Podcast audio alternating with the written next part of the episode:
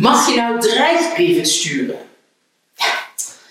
Iedereen weet natuurlijk wel je strafrechtelijk niet iemand mag afdreigen, bedreigen, whatever. Dat bedoel ik niet. Maar van die mensen die dan zo'n brief versturen met je maakt inbreuk op mijn auteursrecht, waar je zelf denkt, dat is toch overduidelijk niet waar. Of je mag niet dit over mij schrijven, dat is een schending van eer en goede naam. Terwijl jij dus ook denkt, joh, uh, aan de vrijheid van meningsuiting dan. Mogen dat soort brieven nou gestuurd worden?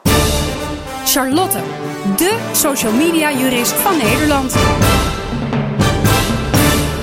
Ik noem het maar even bedrijfsbrieven. Maar je kent het misschien wel dat je iets gepubliceerd hebt ergens of een afbeelding hebt gebruikt. Je hebt laten inspireren door bepaalde teksten en je krijgt opeens een brief op hoge poten.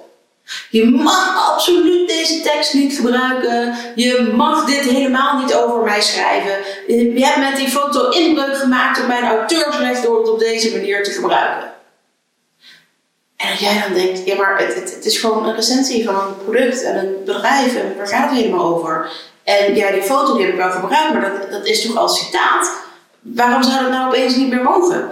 Um, en die tekst, dat is toch alleen maar geïnspireerd? Dat is geen inbreuk op auteursrecht. Waar hebben we het nou helemaal over? Mogen dat soort brieven dan toch gestuurd worden? Terwijl jij eigenlijk denkt, het is toch overduidelijk dat ik in mijn recht sta? Ja, in de basis mogen dat soort brieven wel gewoon gestuurd worden. Als iemand maar hè, redelijkerwijs wel kan beargumenteren waarom die toch denkt dat het een inbreuk zou zijn op bijvoorbeeld dus een auteursrecht, een handelsnaamrecht of een merkenrecht, of schending van de eer goede naam is, of schending van het portretrecht is, en daar op zich nog wel een goed verhaal bij heeft, ja, dan mag die brief gewoon gestuurd worden. Ook als je bij de rechter zou komen die uiteindelijk ook zegt, het is wel overduidelijk dat, je gewoon in je recht stond. Dat je het allemaal wel mocht gebruiken, dat hier niks aan de hand is. Kijk, als iemand jou een brief stuurt terwijl het jouw eigen foto is en iedereen weet dat en nou ja, eh, hè, zoiets, um, daar zou je misschien van alles van kunnen vinden. Maar op het moment dat iemand gewoon het idee heeft of het, het, het, het zijn eigen recht is dat geschonden is, ja, dan mag hij daar een ander op aanspreken. En sommige mensen die kiezen er dan voor om dat wat agressiever te doen. Waardoor je misschien bang wordt of waardoor je in elk geval denkt, nou ja, laat ik het dan maar offline halen. Dan weet ik zeker dat ik goed zit.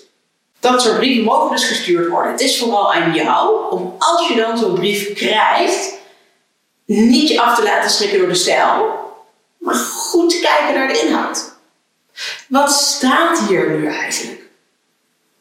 En dus ook vooral, maak je daadwerkelijk inbreuk? Is het zaak om nu alles maar offline te halen? Of moet je vooral even goed verweer voeren?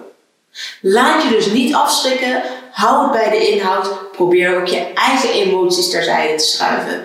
En reageer dan zoals jij denkt dat je moet reageren. En hoe sterker jij je in je schoenen kunt staan, hoe meer je denkt dat jij gelijk hebt, hoe harder je er tegenin kunt gaan. En je zou er natuurlijk ook altijd nog voor kunnen kiezen dat je zegt, nou, het is bijvoorbeeld een oude blogpost of ik vond de tekst toch al niet goed. Maakt me eigenlijk allemaal niet zo uit. Ik verander het wel. Je altijd nog eieren voor jezelf kiezen. En er dus voor kiezen om het offline te halen, ook als je denkt dat je wel in je recht stond. Gewoon omdat dat soms de makkelijkste oplossing is. En het voor jezelf misschien ook wel beter.